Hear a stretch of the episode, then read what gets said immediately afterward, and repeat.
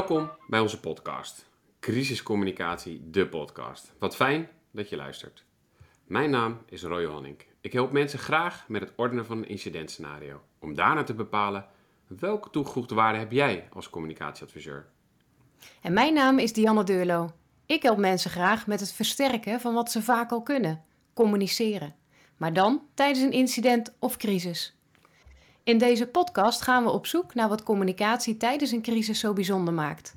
Dat kan van alles zijn, zo blijkt iedere keer. Maar wat dat alles is, dat willen wij graag weten. We gaan ook in dit tweede seizoen weer in gesprek met verschillende collega's uit het veld. En wij hebben al van deze gesprekken geleerd. En we hopen ook dat jullie dat gaan doen. Vergeet je niet te abonneren op onze podcast. Veel luister- en leerplezier.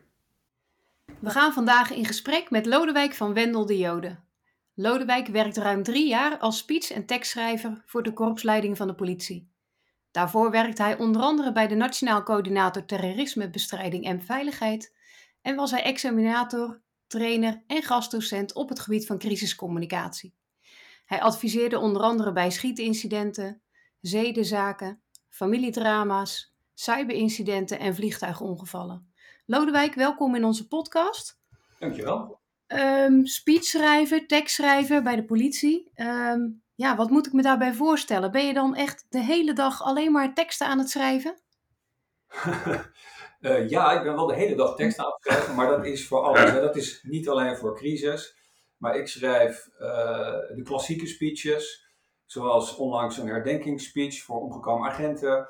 Ik schrijf videoboodschappen, uh, blogs, een voorwoord, allemaal dat soort zaken. Zowel in vredestijd als in crisistijd.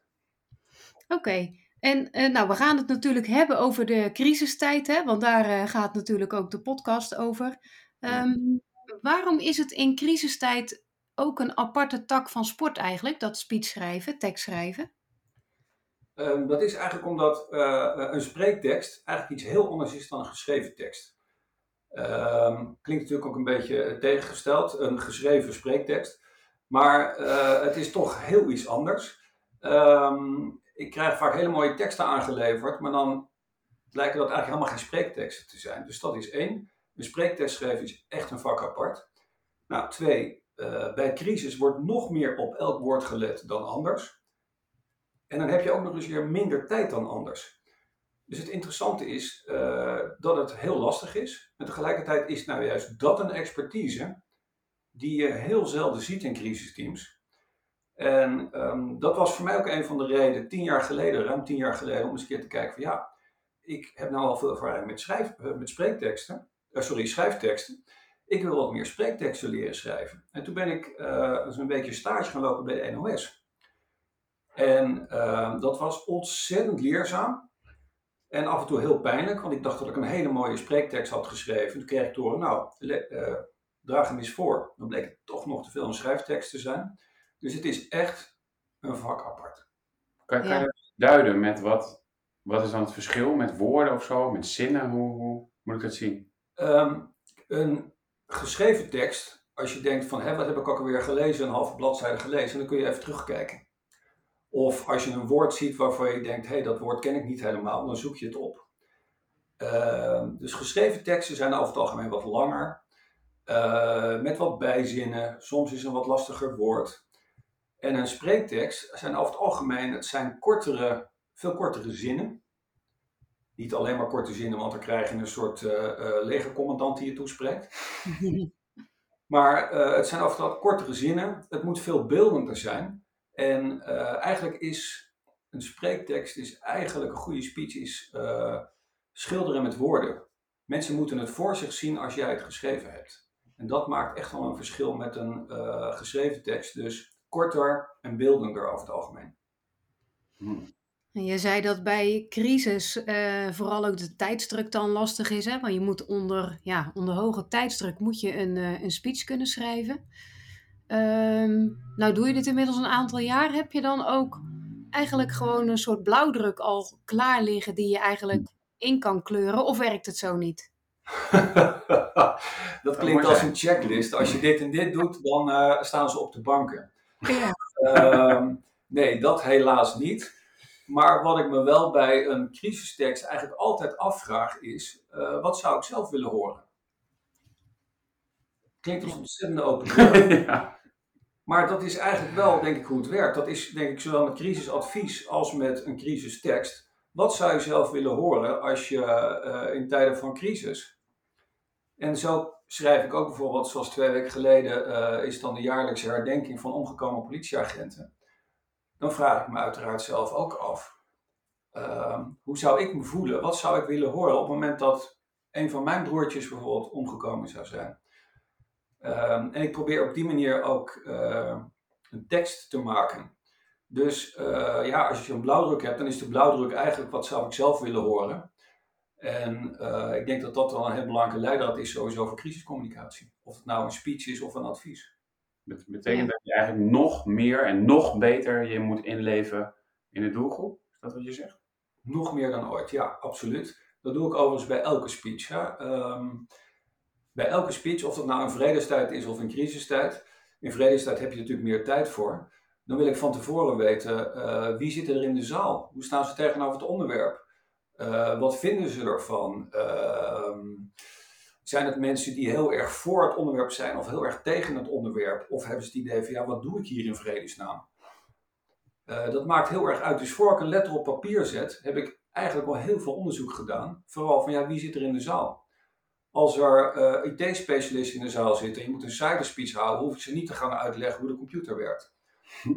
Dus ja, en dat werkt eigenlijk natuurlijk in, in crisistijd heb je die tijd wat minder. Maar moet je wel proberen te uh, achterhalen wie zit er in de zaal en uh, wat vinden ze. En hoe ja. doe je dat dan als je weinig tijd hebt? Toch altijd proberen tijd te maken. Uh, zo snel wat, wat telefoontjes plegen, op sociale media kijken. Um, als ik bijvoorbeeld herdenkingsspeeches schrijf, die ik sowieso één keer per jaar moet schrijven voor de politie dan heb ik van tevoren ook al contact gehad met nabestaanden. En uh, ik vraag nabestaanden ook gewoon naar de conceptspeech te kijken, met als belangrijkste vraag: um, is dit een speech die jou kracht geeft? Is dit een speech die jou hoop geeft en steun geeft? Um, en uh, als dat niet het geval is, dan moet er echt iets anders, want die speech schrijf je in dit geval dus voor de nabestaanden. Ja, dus dan, dan hoor ik je zeggen eigenlijk, hè, dus um, je doelgroep scherp hebben en inleven in je doelgroep. Absoluut. Uh, maar ik hoor je ook zeggen uh, dat het kracht en hoop moet bieden. Dus je denkt eigenlijk ook na over wat wil ik met mijn speech bereiken. Absoluut. Um, als je kijkt naar uh, crisisspeeches of speeches of verklaringen na uh, crisis of bedreigende crisis. Dan zei de speechschrijver van Obama zei dat ooit heel mooi. Die zei to heal and comfort the nation. Troost bieden, hoop bieden, perspectief. En dat is eigenlijk wel het belangrijkste doel van zo'n uh, speech of verklaring bij, uh, bij crisis. Ja, Diane en ik zeggen altijd de, de bestuurder als psychosociaal hulpverleningsmiddel. Ja, eigenlijk wel. Naast communicatiemiddel een, een, heel, een, een middel om de psychosociale hulpverlening op een bepaalde manier vorm te geven. Alleen biedt, ja, dan zou je suggereren dat je vervolgens op de divan ligt bij de bestuurder. Maar uh, het is in ieder geval, ja, we zijn het er wel over eens, denk ik inderdaad, dat het troost is, hoop en perspectief bieden in, uh, in crisis. Hey, en Dian, wat ik, want jij, ik dacht, hey, jij ging zeggen van, hé, hey, maar Lodewijk, ik hoor je ook zeggen, in contact met. Dus je, je, je, je vraagt dus eigenlijk aan de doelgroep, lees eens met mij mee. Absoluut. Ja. Uh, sowieso uh, probeer ik altijd in contact te komen met, ook met de nabestaanden. Um, en dat is zeker in deze tijd soms nog best lastig, omdat uh, ik heb steeds meer meegemaakt dat nabestaanden, bijvoorbeeld ouders, niet meer bij elkaar zijn en geen goed contact meer met elkaar hebben. Mm -hmm. En dat zorgt eigenlijk af en toe echt nog wel voor extra problemen in toch al een moeilijke tijd. Kan je daar eens wat over vertellen? Hoe gaat het dan? Bel je op? Ik, ik, ik heb daar, ja, help me eens even. Uh, bij de politie in ieder geval is het zo dat er uh, contactpersonen zijn die contactpersoon zijn voor nabestaanden. En uh, ik vraag die contactpersoon altijd eigenlijk, ehm, ja, hoe zal ik het doen? Neem jij contact op of doe ik dat? en dat varieert per, per nabestaande. Sommige contactpersonen hebben liever dat ze zelf dat contact onderhouden. Sommige contactpersonen zeggen van nou de nabestaande stel het op prijs als je langskomt of als je, als je belt. Dus degene die er het middel heeft, dat is de, uh, hoe heet dat? Ik ben de naam van de, de regisseur, ik ben even de naam kwijt. De familieregisseur. Regisseur, ja. Dat kan uh, degene zijn en die, die gaat dan eigenlijk voor jou het contact leggen. En op basis daarvan bepaal je uh, van stel prijs dat ik überhaupt direct in contact met ze ben. Of dat ik het indirect doe via de familieregisseur. Naar aanleiding van een, een, een, een, drama ja. of een incident. Oké. Absoluut. Hm. En dat, ik laat het ook echt aan de nabestaanden. Zij zijn voor mij leidend in uh, uh, hoe het gaat. Ik ben dan zo benieuwd of je nou wel eens een tekst hebt geschreven waar, waarbij, je, nou ja, waarbij je feedback kreeg en je dacht, oh my god, wat ben ik blij dat ik deze feedback heb gehad. Um, nee, gelukkig niet. niet dat, dat, klinkt alsof, ja. nou ja, laat ik zo zeggen, dat klinkt even alsof, alsof ik feedback heb van, daar kan ik niks mee. Nee, tot nu toe heb ik altijd gelukkig, moet ik zeggen, feedback gehad uh, dat mensen erg blij waren met de tekst. En uh, uh, dat ze ook hun, hun zoon, hun dochter of vader of moeder erin herkennen in de tekst. Dat is natuurlijk het mooiste compliment dat je kunt krijgen. Um, maar dat is denk ik ook wel omdat ik van tevoren, voordat ik een letter op papier zet, ook al nabestaanden gesproken heb. Dus het is voor mij niet dat ik moet raden wat ze denken of wat ze willen. Dus voordat ik een letter op papier zet, heb ik al wel een gesprek gehad. En uh, heb ik mensen liefst, als het kan, nog gewoon geïnterviewd over. Vertel over je broer, vertel over je zus, vertel over je vader of moeder. Dat ik toch wel een beeld heb. Allereerst hoe die persoon is of was. En twee, hoe zij op die persoon terugkijken en wat ze graag zouden willen horen. Hm. Nu is dat voor jou misschien omdat je dan bij de politie werkt en de politie inderdaad die familieregisseurs heeft. Uh, is dat wellicht een makkelijke ingang. Maar wat als ik nou adviseur van de burgemeester ben in crisistijd en ik moet voor de burgemeester een, eh, een, eh, speech schrijven? Um, ja, hoe, hoe zou je mij dan adviseren om ook in contact te komen met de familie? Kan ik dan ook jullie familieregisseur gebruiken daarvoor? Uh, dat is een hele goede vraag. Dat zou ik eigenlijk niet weten. Misschien wel. Misschien dat er ook bij de gemeente wel speciale contactpersonen zijn. Ik kan me ook voorstellen, een burgemeester die contact zoekt met nabestaanden, die heeft daar misschien ook mensen voor die dat doen. Dus ik kan me voorstellen dat het misschien voor een deel via de politie kan. Misschien kan dat via de gemeente zelf. Dat is wel een goede vraag. Zou ik eigenlijk niet helemaal 100% weten, moet ik zeggen. Mijn gevoel zegt, ook op basis van mijn eigen ervaringen, dat dat de familieregisseur zal zijn. Omdat we uh, eigenlijk dat als enige ingang willen hebben. Zowel voor de psychosociale hulpverlening als voor opsporing als voor communicatie. Dus ik hoop maar volgens mij is het goed om dat misschien wel eens uit te gaan zoeken naar aanleiding van deze podcast. Ik hoop dat het de familieregisseur is. Dat we niet meerdere lijnen gaan lopen, maar dat, dat daar de bundeling samenkomt. Ik hoop het.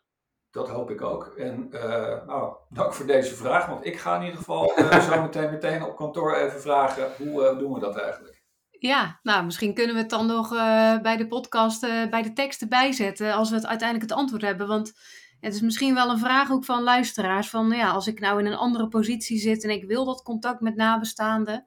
Want ik denk dat we ervoor moeten waken. Eigenlijk zeg jij dat ook, Roy, dat, uh, dat er niet straks uh, vanuit drie punten contact wordt opgenomen met nabestaanden om een vraag te stellen, zeg maar. Maar dat is iets moois om even uit te zoeken, inderdaad. Ja. Ja, en nog een andere vraag, Lodewijk. Want um, jij zei net, het gaat vooral om uh, troost, hoop, perspectief bieden. Um, hoe voorkom je nu dat je als schrijver uh, niet vervalt in eigenlijk steeds dezelfde zinnetjes? Hè? We, hebben al, ja, we hebben toch best wel vaak al gehoord: um, het is een zwarte dag. Um, hoe, hoe doe jij dat voor jezelf? Want je zal ook je voorkeuren hebben voor bepaalde uitingen. Uiteraard heb ik mijn voorkeur voor bepaalde uitingen, maar het moet vooral bij de, uh, de spreker passen. Maar ik ben het met je eens. Ik probeer een beetje weg te blijven van de, de zwarte dag, de inkzwarte dag of de, de, de diepzwarte dag. Um, en ja, hoe, hoe doe je dat? Uh, eigenlijk door van tevoren al na te denken over formuleringen. En uh, ik heb ooit met, uh, met Wouter Jong, jullie niet onbekend, mm. met een aantal collega's is geoefend met spreekteksten, wat bijvoorbeeld te zeggen na, na een aanslag. En het mooie is dat je daar hele formuleringen uh, uh, bij elkaar vindt van collega's die mee hebben geschreven. Waarmee je ook uh, weg kunt blijven van die bekende zwarte dag. Of wij zijn alle geraakt. Wat natuurlijk een hele ongelukkige formulering is na een aanslag. Dus, ehm, Dus probeer van tevoren al na te denken over teksten. Wat zou je kunnen zeggen bij een bepaalde situatie? Maar vooral uiteraard ook, wat past bij deze persoon? Ik schrijf zelf voor vijf verschillende sprekers. Die hebben alle vijf gewoon echt een hele andere manier van spreken. Dus wat voor de een een hele goede tekst is, hoeft dat voor de ander dus absoluut niet te zijn. Maar goed, van tevoren dus al nadenken met elkaar. Um, is denk ik de allerbeste manier om van de, uh, de clichés weg te blijven. Maar, maar, haal je dan ook je inspiratie uit, uit allerlei speeches die je overal zoekt? Ben je dan de hele dag aan het lezen, ook in de avonduren en YouTube aan het kijken en weet ik wat? Ben je echt zo'n vakidioot? Uh, ik ben een vakidioot, absoluut. Ja, ik lees, en, uh, ik lees tegen de klippen op. Ik probeer elke week een paar speeches te lezen, te luisteren of te horen. Uh, daar haal ik ook mijn inspiratie vandaan. En uh, ik zei bij de voorbereiding voor het gesprek ook al, uh, er is een heel mooi boek met speeches die nooit uitgesproken zijn. Voor alle situaties die fout hadden kunnen gaan. En ook daar haal ik mijn inspiratie uit. Dus ik probeer ongelooflijk veel speeches te kijken. En bij heel veel speeches probeer ik ook te achterhalen van waarom raakt me dit nou? Waarom word ik hier blij van? Waarom vind ik dit goed of waarom vind ik het slecht? En op die manier probeer ik uh, daar ook weer van te leren. En schrijf je dat dan ergens op? Heb je een dagboek? Of? Uh, lief dagboek. God. van de speech gelezen.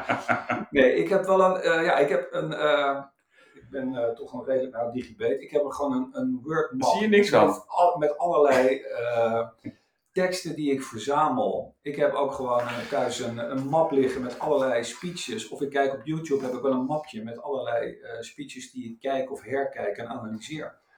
Dus zo probeer ik dat te doen. En af en toe probeer ik ook.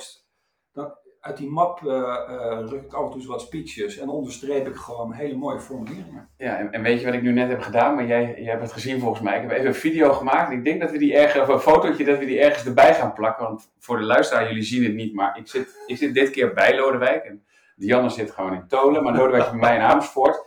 En hij heeft 1, 2, 3, 4, 5, 6, 7, 8, 9, 10. Ik denk al 10 papieren over zich heen en er ligt nog een mapje. Het, is echt serieus werk. Dus ik ik snap dat je zegt dat je digibet is, maar dit gaat wel echt ver, uh, Lodewijk. Wat heb je hier allemaal liggen, overigens? Wat ik allemaal heb liggen is, uh, ik heb voor mezelf allerlei uh, spreekpunten waar ik denk van, oh, dit wil ik aan de orde hebben, dat wil ik aan de orde hebben. Ik, oh, dit moet ik absoluut niet vergeten. Maar ik heb ook speeches waarvan ik denk, nou, daar kan ik misschien wel eens iets uit citeren. Maar ik ken natuurlijk niet alle speeches uit mijn hoofd. Dus uh, voor mij werkt het heel goed. Ik, uh, als ik aan een speech werk, of dat nou een crisisspeech is of een speech in vredestijd. Um, ja, mijn bureau ziet eruit alsof Al-Qaeda aan het oefenen is. maar voor mij werkt het. Ik heb collega's die heel mooi achter een laptop iets kunnen doen. Bij mij, uh, ik moet chaos hebben om uiteindelijk in rust iets te kunnen maken. Heb je misschien ook je mooiste uh, speech bij? En niet die van jezelf, maar de speech die jou het, ja, het meest is bijgebleven? Ja. Uh, of heb je hem niet bij, maar weet je hem uit je hoofd? Of, uh, ja. Nou, er zijn twee speeches, of één speech eigenlijk en één verklaring die me zijn bijgebleven. een van de allermooiste vind ik van een paar jaar geleden de premier van Nieuw-Zeeland, Jacinda Ardern. Ik ben een enorme fan van haar speeches. En zij houdt een hele mooie speech nadat er een, uh, een rechtsextremist hmm. 41 moslims uh, doodschiet. En dat ook live filmt en op Facebook uitzendt. En hij vermoordt dus gewoon op klaarlichte dag 51 mannen, vrouwen en kinderen, alle moslims. En dan houdt zij een verklaring. En in die verklaring zegt zij heel mooi de woorden: They are us. Um, zij zijn hierheen gekomen om uh, in een vrij land om zich hier welkom te voelen. They are us, zij horen bij ons. En vervolgens zegt zij, uh, die man die dit gedaan heeft, en eventuele handlangers, zij niet. Dus dat they are us, die uitspraak die ging overal rond. Ja. En ik vind het een ontzettend mooie, krachtige uitspraak. En uh, het was niet alleen wat ze zei, maar ook hoe ze het zei en ook wat ze daarna deed. Meteen ook op bezoek bij die moskee. Dus het helpt niet alleen uh, hele mooie woorden, maar zij liet die ook volgen door hele mooie daden. Dus dat is één speech die mij absoluut is bijgebleven, was een van de mooiste. En een andere, en die vond ik minstens zo krachtig, Na de aanslagen in Parijs, Bataclan, daar komt een, uh, er wordt, nou, tientallen mensen worden daar doodgeschoten door uh, terroristen. En diezelfde avond of de dag daarna is er een Franse journalist en zijn vrouw is doodgeschoten bij die aanslag in Parijs. En hij blijft achter alleen met zijn tweejarige zoontje. Die tekst pak ik er nog wel even bij. deze journalist heet Antoine Lery. En hij schrijft een boodschap aan de terroristen. En hij schrijft: Jullie zullen mijn haat niet krijgen. Mijn zoon en ik, wij zijn met z'n tweeën. Maar wij zijn sterker dan alle legers in de wereld. En ik zal mijn zoon opvoeden tot een blij en vrij mens. En op die manier zal hij jullie beledigen. Want nee, zijn haat krijgen jullie ook niet. Ik vind dat zo'n ongelooflijk mooie en sterke tekst. En die ging ook echt uh, viral. Ja. Um, los even van de mooie woorden, het feit dat je dat dus als vader, als man, als echtgenoot, dat je dat kunt, een dag nadat je je vrouw verliest. Ik zou het niet kunnen, maar ik vond het een van de mooiste teksten ooit. Ja. Zo. Ja, Roy, Roy gebaart dat die kippenvel krijgt en ik zit met vochtige ogen. Gewoon al door deze woorden. Dus dan merk je wat, wat een impact woorden kunnen hebben. En dat is, ja, ja, ja. Ja. Geen woord uh, hè? Helemaal niets. Nee. Nee, nu je dat zegt, ja. Nee. Jij refereert eigenlijk nu aan twee voorbeelden um, uh, na aanslagen. Um, jij hebt ook onderzoek gedaan volgens mij, toch? Naar um, speeches en verklaringen na aanslagen en welke elementen daar dan altijd in terugkomen. Ja, dat klopt. Um, een aantal jaar geleden heb ik uh, teruggekeken vanaf 2005 tot uh, ongeveer 2018, 2019. En een aantal uh, speeches bekeken om eens te kijken van wat zie ik hier nu gebeuren. En in al die teksten, al die speeches, al die verklaringen zie je eigenlijk drie elementen steeds terugkeren. Ehm, de eerste is, ligt natuurlijk heel erg voor de hand, verbinding en empathie. En dan kom je ook met DRA's, is een hele mooie. Maar ook een hele mooie verklaring van uh, burgemeester Ken Livingstone uh, uit Londen 2005. Daar wordt een aanslag gepleegd, er komen heel veel mensen om. En ook hij houdt een, uh, een tekst, een speech, waarin hij ook zegt: Wij zijn alle getroffen. Alle Londenaren, moslim en christen, hindoe, jood, jong en oud. Dus dat is het eerste, die verbinding. Dat is echt heel mooi. Het tweede element dat je heel veel ziet terugkeren is de boodschap: ga door met leven. Op allerlei verschillende manieren wordt dat, wordt dat gedaan. Ik kijk even of ik daar nog een tekstje van heb. Nou, er ligt zat bij. Het zou maar verbazen als we niet bij hebben, nodig. Tuurlijk. Ehm, bijvoorbeeld de, na de aanslag van Anders Breivik in Noorwegen. Daar, waar op dat moment de premier Anders Stoltenberg gewoon zegt: laten we de doden eren door het leven te vieren. Um, en ook onze eigen burgemeester Halsema, die na een uh, steekincident op het Centraal Station Amsterdam, waar twee uh, toeristen uh, in de nek worden gestoken door, door, iemand, ook zij zegt: Ik hoop dat de Amsterdammers gewoon doorgaan met hun leven. Dus dat is echt die tweede, dat tweede element dat je terugziet. En het derde is een, een boodschap aan de terroristen. Hm. Ken Livingstone, de burgemeester van Londen, die zegt: You will fail. En Antoine Larry, wat ik net al noemde, die uh, heel mooi zegt inderdaad, mijn haat krijgen jullie niet. Dus die drie elementen, uh, verbinding en empathie als eerste, ga door met leven als tweede en boodschap aan de terroristen. Dat zijn die drie elementen die je eigenlijk bij al die speeches en al die verklaringen naar aanslagen terug ziet komen. In verschillende manieren, maar ze komen elke keer terug. Maakt de volgorde dan nog iets uit? Dat denk ik niet. Um, je ziet ze ook op verschillende manieren terugkeren. En soms worden ook niet alle elementen genoemd, maar worden die drie elementen bijvoorbeeld in verschillende verklaringen naar elkaar uh, genoemd. Hmm. Dus die volgorde niet zo, maar je ziet deze drie elementen zie je wel overal terugkeren.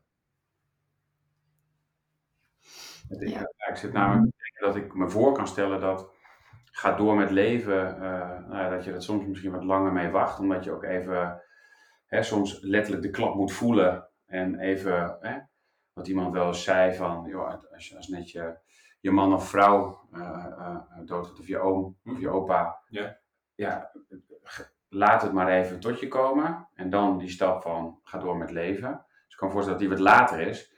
En dat je misschien richting de terrorist wil, meteen wil zeggen, bam, gast, kappen. Jij gaat niet slagen. Dus dat, dat die sneller komt en dat verbinding misschien er altijd omheen zit. Maar dat gaat door met leven misschien wat later is dan you will fail of ehm, ik heb een boodschap voor je, beste terrorist. Dat die eerder komt. Maar dat. Daar kan ik me iets bij voorstellen. Als je nog midden in de rouw bent, dat dat iemand zegt, hé, kop op Roy. Ja, ga door. Succes, ga door met leven. Dan vermoed ik dat je misschien niet zo aardig tegen me zegt. Uh, nee, ik kan me voorstellen dat die timing ook essentieel is en dat die timing daar ook uh, later kan komen. Um, maar het is niet dat je daar specifiek, zo, zo zit hij ook, dat je daar in je onderzoek zeg maar, op gelet hebt van wat, welke, wat, wat, wat, zag ik terug, maar dat heb je niet gevonden. Nee, dat niet. En wat ik wel interessant vond, is om erachter te komen dat die hele mooie en hele snelle verklaring van burgemeester Ken Livingston, die had hij dus al voorbereid. Dat vond ik zo interessant. Um, je had in 2004 waren er aanslagen in Madrid op de trein, ook heel veel doden zijn gevallen. En uh, ik heb later gelezen in een interview dat Ken Livingston zei: uh, hey, toen wist ik, wij zijn de volgende. En toen uh, in dat interview schrijft hij, of zegt hij ook: Toen ben ik eens gaan nadenken, wat ga ik nou zeggen als wij zelf getroffen worden? Dus hij heeft zelf een korte verklaring geschreven, die is hij gaan oefenen, gaan herschrijven. Um, echt in zijn hoofd. En daarom kon hij ook heel snel zo'n mooie verklaring geven. Hm. Want je ziet hem uh, staan. Op dat moment dat die aanslagen er zijn, is hij aan het buitenland. Maar hij geeft heel snel een verklaring. Hij staat daar ook heel krachtig. En uit zijn hoofd met een verklaring. Ja. Dat kan hij natuurlijk vooral doen omdat hij dat ook goed geoefend heeft. En ik denk dat het ook wel typisch Engels is, misschien ook wel Amerikaans, om heel goed voorbereid te zijn en om tekst al in je hoofd te hebben. Uh, en dan kun je ook eerder aan de slag als je heel snel bij een crisis moet reageren. Dat doet mij in één keer denken aan de film The King's Speech. Heb je die gezien? Die heb ik gezien, absoluut. Dat gaat natuurlijk over dat hij uh, slecht kan praten, dat hij het moeilijk vindt om in de openbaarheid te spreken en dat hij volgens mij wel, ik weet niet hoe vaak hij hem oefent. Zeker. En uiteindelijk is het een geniale speech. Inderdaad. Dus dat, dat doet mij een nieuwe vraag, oh sorry, inderdaad. Ik wou zeggen, dat doet mij een nieuwe vraag bedenken van, dan is het aan te leren, speechen. Dat is het goede nieuws, zou ik zeggen. Ja, ik kan het. Nee, ik kan het leren. Dat is ook absoluut zo. Ik denk dat uh, van iedereen is een, uh, in ieder geval een redelijke spreker te maken. en van sommige mensen een briljante spreker te maken.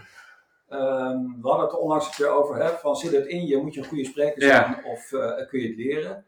Ja, je kunt het absoluut leren. Um, ik heb, vorige week was er een, een TEDx van de politie en ik heb een van de sprekers mogen coachen.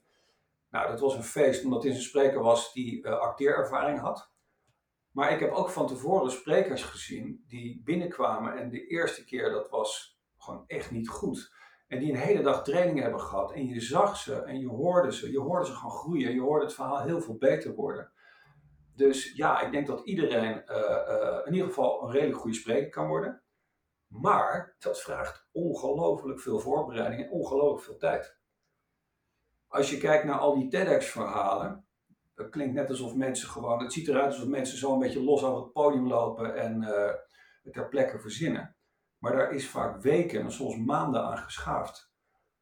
Dus, um, en dat is, in Nederland hebben we nog niet echt een spreektraditie. En als ik kijk naar hoe ik vroeger, uh, als ik een spreekwoord moest houden, of dat nou over de cavia was of over de kat of weet ik wat. dan kon ik dat gewoon hardop voorlezen. En zelfs op de middelbare school en zelfs in mijn studietijd, als ik een, een, eh, een verhaal moest houden, dan kon ik dat voorlezen. Als ik kijk naar mijn eigen kinderen, die uh, moesten op de lagere school al een verhaal van 10 minuten uit hun hoofd houden. Dus we krijgen gelukkig langzamerhand iets meer een spreektraditie, maar ik denk dat we er nog lang niet zijn als je het vergelijkt met landen om ons heen. Ja. En als je nu um, van jezelf weet, nou, ik ben geen begenadigd spreker, ik zou er wel beter in willen worden. Um, het gaat te ver, uh, want dan kunnen we denk ik nog een podcast maken. Maar zijn er, zijn er drie tips of drie ja, dingen die je dan mee kan geven aan die mensen? Aan de sprekers wil je? Of de ja, ja, ja. Um, nou ja, zoek in ieder geval iemand die je kan helpen bij een, een speech of verklaring. Dat helpt mm -hmm. altijd. Um, kijk zelf ook eens. kijk of luister eens naar een speech die je goed vindt en probeer eens te proberen te achterhalen van waarom vind je dat. Dus dat uh, helpt uiteraard altijd. Ja, en de, belangrijkste tip, uh, ga oefenen. Ja. Alleen door heel veel te oefenen kun je een, uh, een betere spreker worden. En dat brengt me meteen ook op een, een, het verhaal, als je kijkt naar, naar speeches van vroeger en speeches van nu. we kennen allemaal de bekende speech van Martin Luther King, I have a dream. Noemen we een van de beste speeches ooit.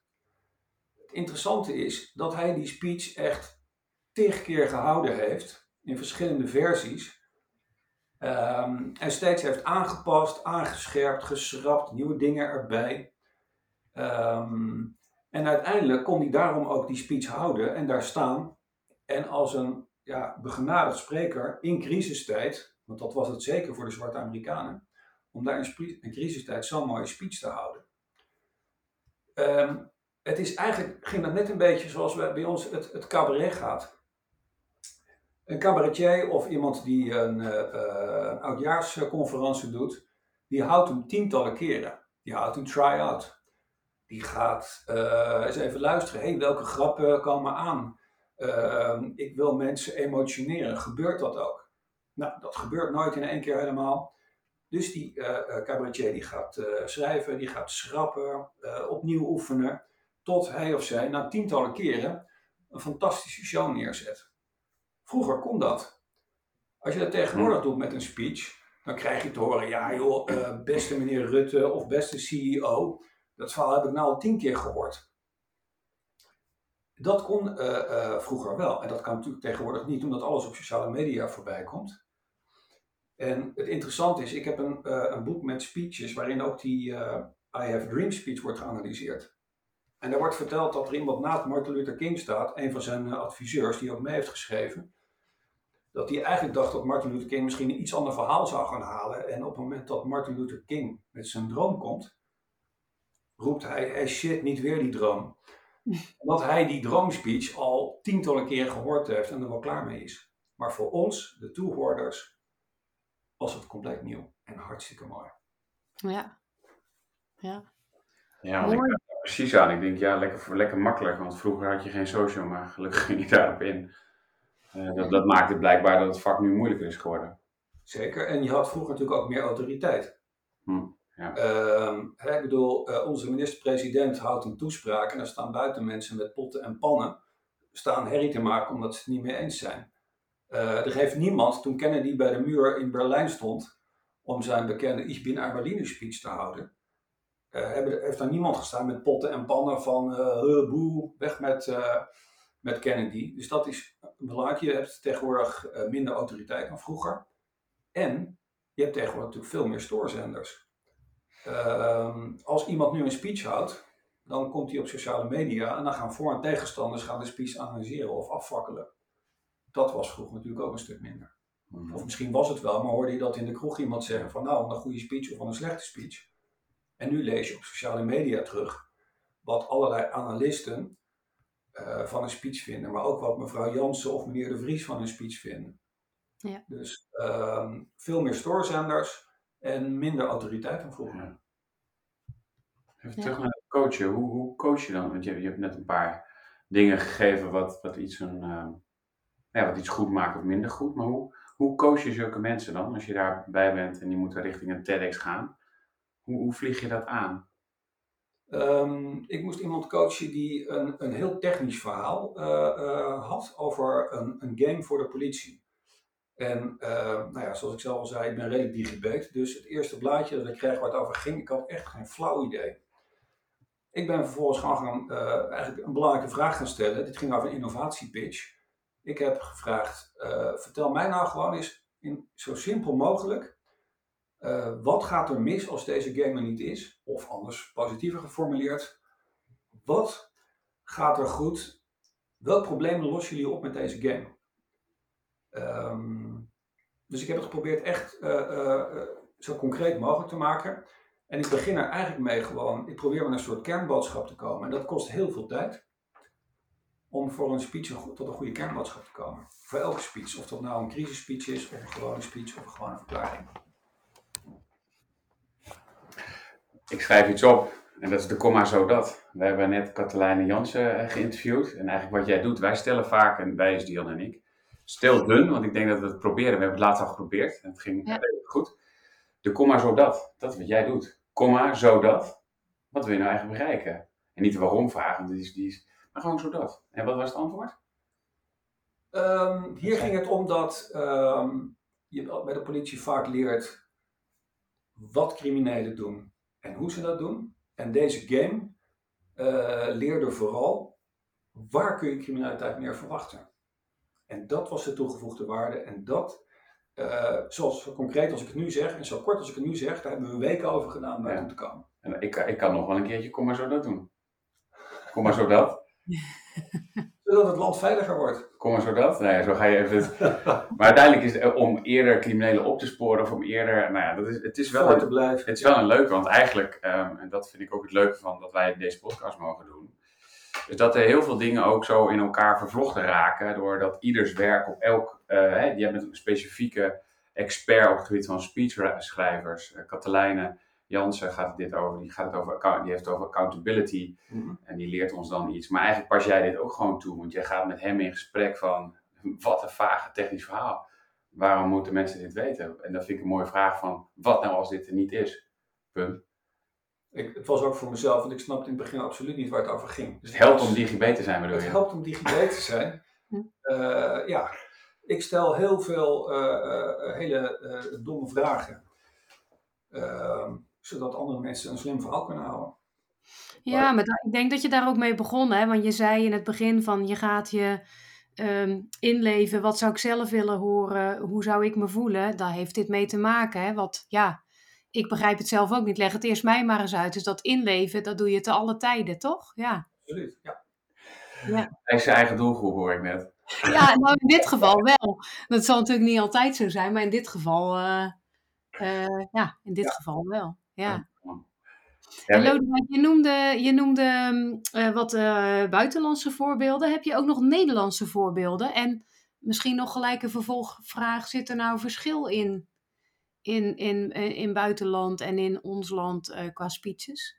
Nou, het zijn twee vragen. Eerste voorbeelden maar. Nou ja, het Nederlandse speech, de, de, de speech van Frans Timmermans bij de MH17, die is enorm geprezen. Ehm, en ik zet daar meteen een komma bij. Want de eerste keer dat ik die speech van Frans Timmermans zag, toen uh, dacht ik, goh, wat een ontzettend mooie speech. Uh, alles zit erin, het is mooi, emotie, het roept op. Dus mijn eerste gedachte was, uh, dit is een mooie speech, een on-Nederlands mooie speech. De tweede gedachte was echter, ehm, ik heb in het crisisteam gezeten dat bij de MH17 adviseerde. We kregen vervolgens uiteindelijk wel terug, mede via de familierechercheurs, dat de nabestaanden hartstikke boos waren. Waarom? Frans Timmermans die beschrijft in die uh, speech van hem, uh, pakte zij de handen van hun geliefde nog, hè, drukte ze nog één keer de kinderen tegen hun hart, keken ze elkaar in de ogen voor een, een laatste uh, woordeloos vaarwel. Heel mooi gezegd. Maar als mijn familie of vrienden in dat vliegtuig zouden zitten, dan zou ik niet willen horen dat ze de uh, laatste angstige momenten hebben beleefd. Dan zou ik eigenlijk maar willen weten dat ze er nooit iets van gemerkt hebben.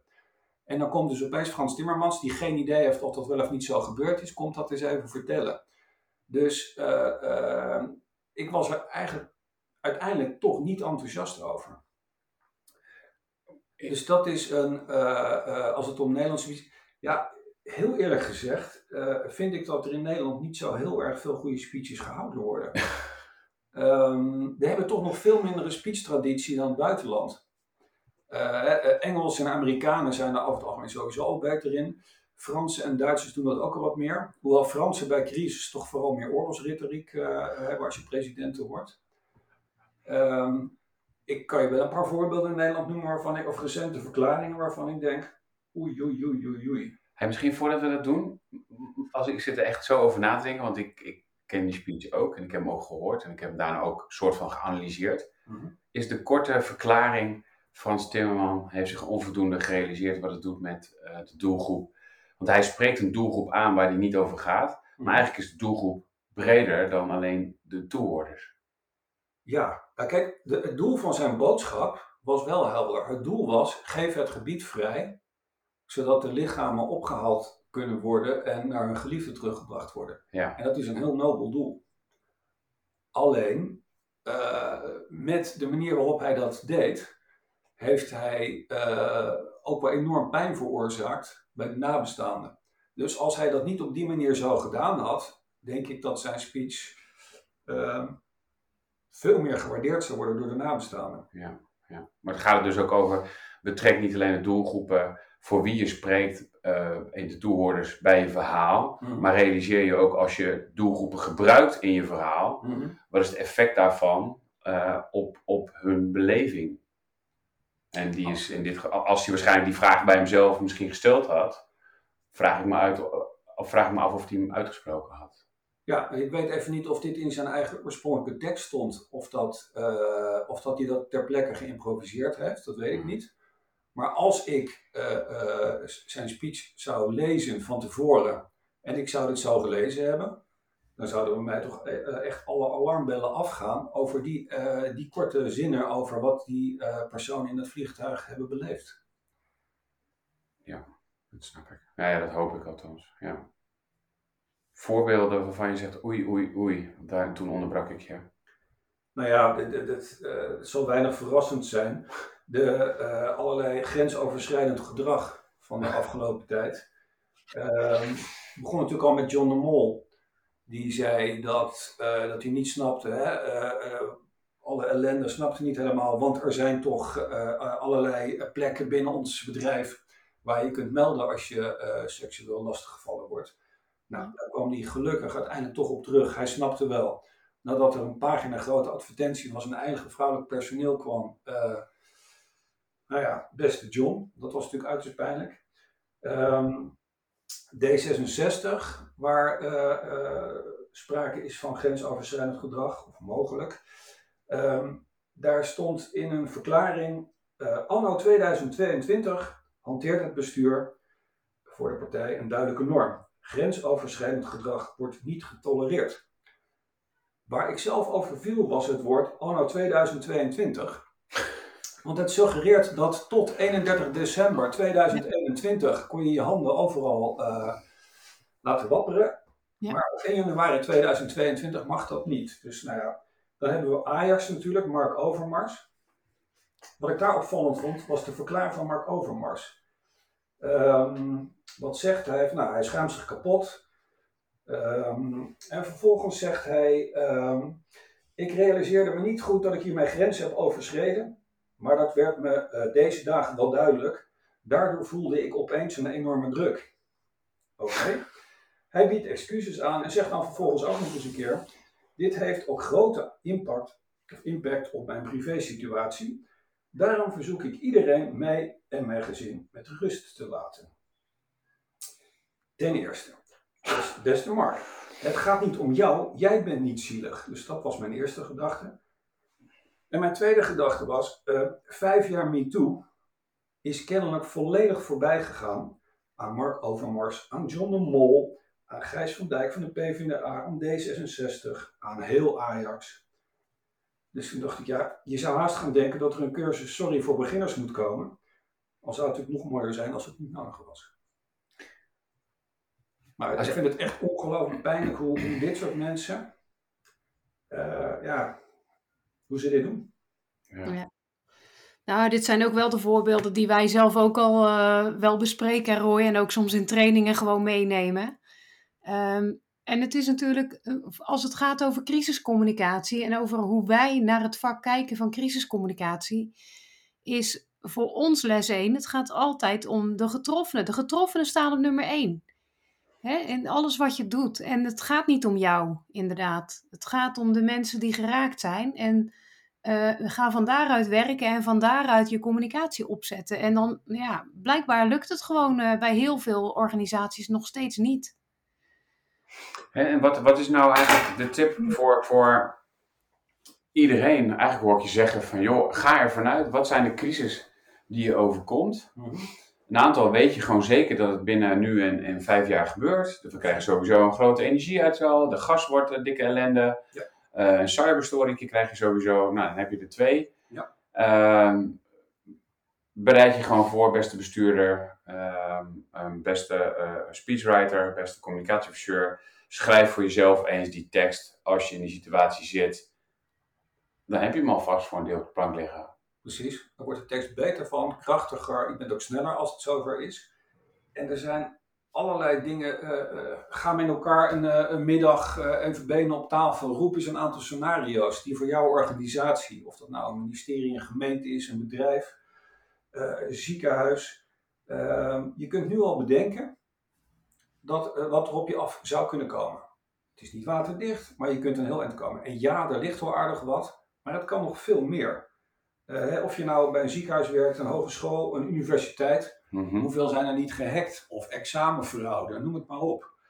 Ehm, als je kijkt naar, nou, denk aan het Binnenhof. Het Binnenhof wordt nu verbouwd. Mhm. Ik weet niet of jullie wel eens een aannemer hebben ingeschakeld. Ik ken weinig aannemers die binnen de tijd en binnen het budget blijven. Dus je weet Je kunt volgens mij nu al de tekst schrijven. tekst schrijven waarom, het, de, waarom de verbouwing van het Binnenhof langer duurt en duurder wordt. Ja, ja, ja. Ja. Dus ehm, ja, het klinkt, weet je, het, het is niet zo ingewikkeld, maar het is, eh, eh, ja, valt me op dat we veel meer eh, kunnen voorbereiden dan we nu doen. En ehm, ja, gelukkig zijn er mooie voorbeelden. Ik noemde het voorbeeld van Ken Livingston al. Maar je hebt ook hele mooie voorbeelden van nou, bijvoorbeeld 1944, D-Day. Dat is gelukt uiteindelijk. Eh, maar als D-Day mislukt zou zijn, dan had eh, generaal Eisenhower, de hoogste militair, die had dan een verklaring geschreven waarin hij volledig verantwoordelijkheid op zich neemt voor het mislukken. Die verklaring die is er. Er, nou, 25 jaar later, de maanlanding. En dat is ook goed gegaan. En we kennen allemaal, hè, kleine stap voor de mens, grote stap voor de mensheid. Maar als dat mis zou zijn gegaan, lag er ook gewoon een korte verklaring al klaar. Inclusief dan de boodschap dat de president dan ook even mijn toekomstige weduwe moest bellen. Ehm, en ik zei het net al, er is een heel mooi boek met speeches die nooit uitgesproken zijn. Dat zijn allemaal van dit soort speeches die klaar lagen als het fout zou zijn gegaan. En ik denk dat we, als het gaat om crisiscommunicatie, dat we daar nog heel veel stappen te zetten hebben. Zowel het schrijven ervan als het oefenen ervan. Mhm. Ja, we hebben vorige week en die week ervoor kolomoefeningen gedaan. Hebben we een scenario geoefend bij een, eh, een evenement. Waar er een bliksem eh, ingeslagen was en waarbij er een seinstoring was. Dus twee incidenten eh, tegelijkertijd. Je raadt het al, in het evenementenplan wat er lag, wa- waren al die evenementtypes wel voorbereid, maar niet tegelijkertijd. En er waren echt mooie verklaringen, Ja. hè, Dian. Dat we echt, want we lieten dus de, de, de, tekstschrijvers, die moesten er ook mee aan de slag. Dus het was gewoon een, de full Monty oefening, zeg maar. En ik, we waren echt een paar keer echt knets onder de indruk van de teksten die toegeschreven worden. Dus ik ga denk volledig mee. Ik denk dat het ook gewoon, ja, het is misschien fout om te zeggen, maar ik denk dat het gewoon echt super leuk is om te doen. Als- als- van. Nou ja, dat voelt altijd zo dat de crisis, dat dat niet, dat dat niet iets leuks mag zijn. Dus dat je- maar het is je werk, dus, dus nou, Exact. zo bedoel ik het.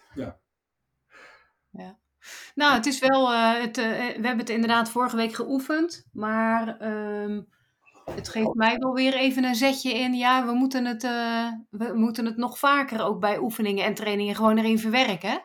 En gewoon de opdracht geven. Ga maar schrijven nu. Ga maar op basis van dit scenario. eh, eh, burgemeester vraagt om hulp. Ga maar, ga maar schrijven. Ja. Ga het maar doen. Ja. Ja. Dus dat is iets voor ons, eh, Roy, om, eh, om op te pakken, denk ik. Nou, volgens mij is het een mooi, mooie afronding en oproep. Of zijn we nog wat vergeten? Want ik weet niet of we alle tien pagina's behandeld hebben nu. 9,5. Heb je nog een afsluiter?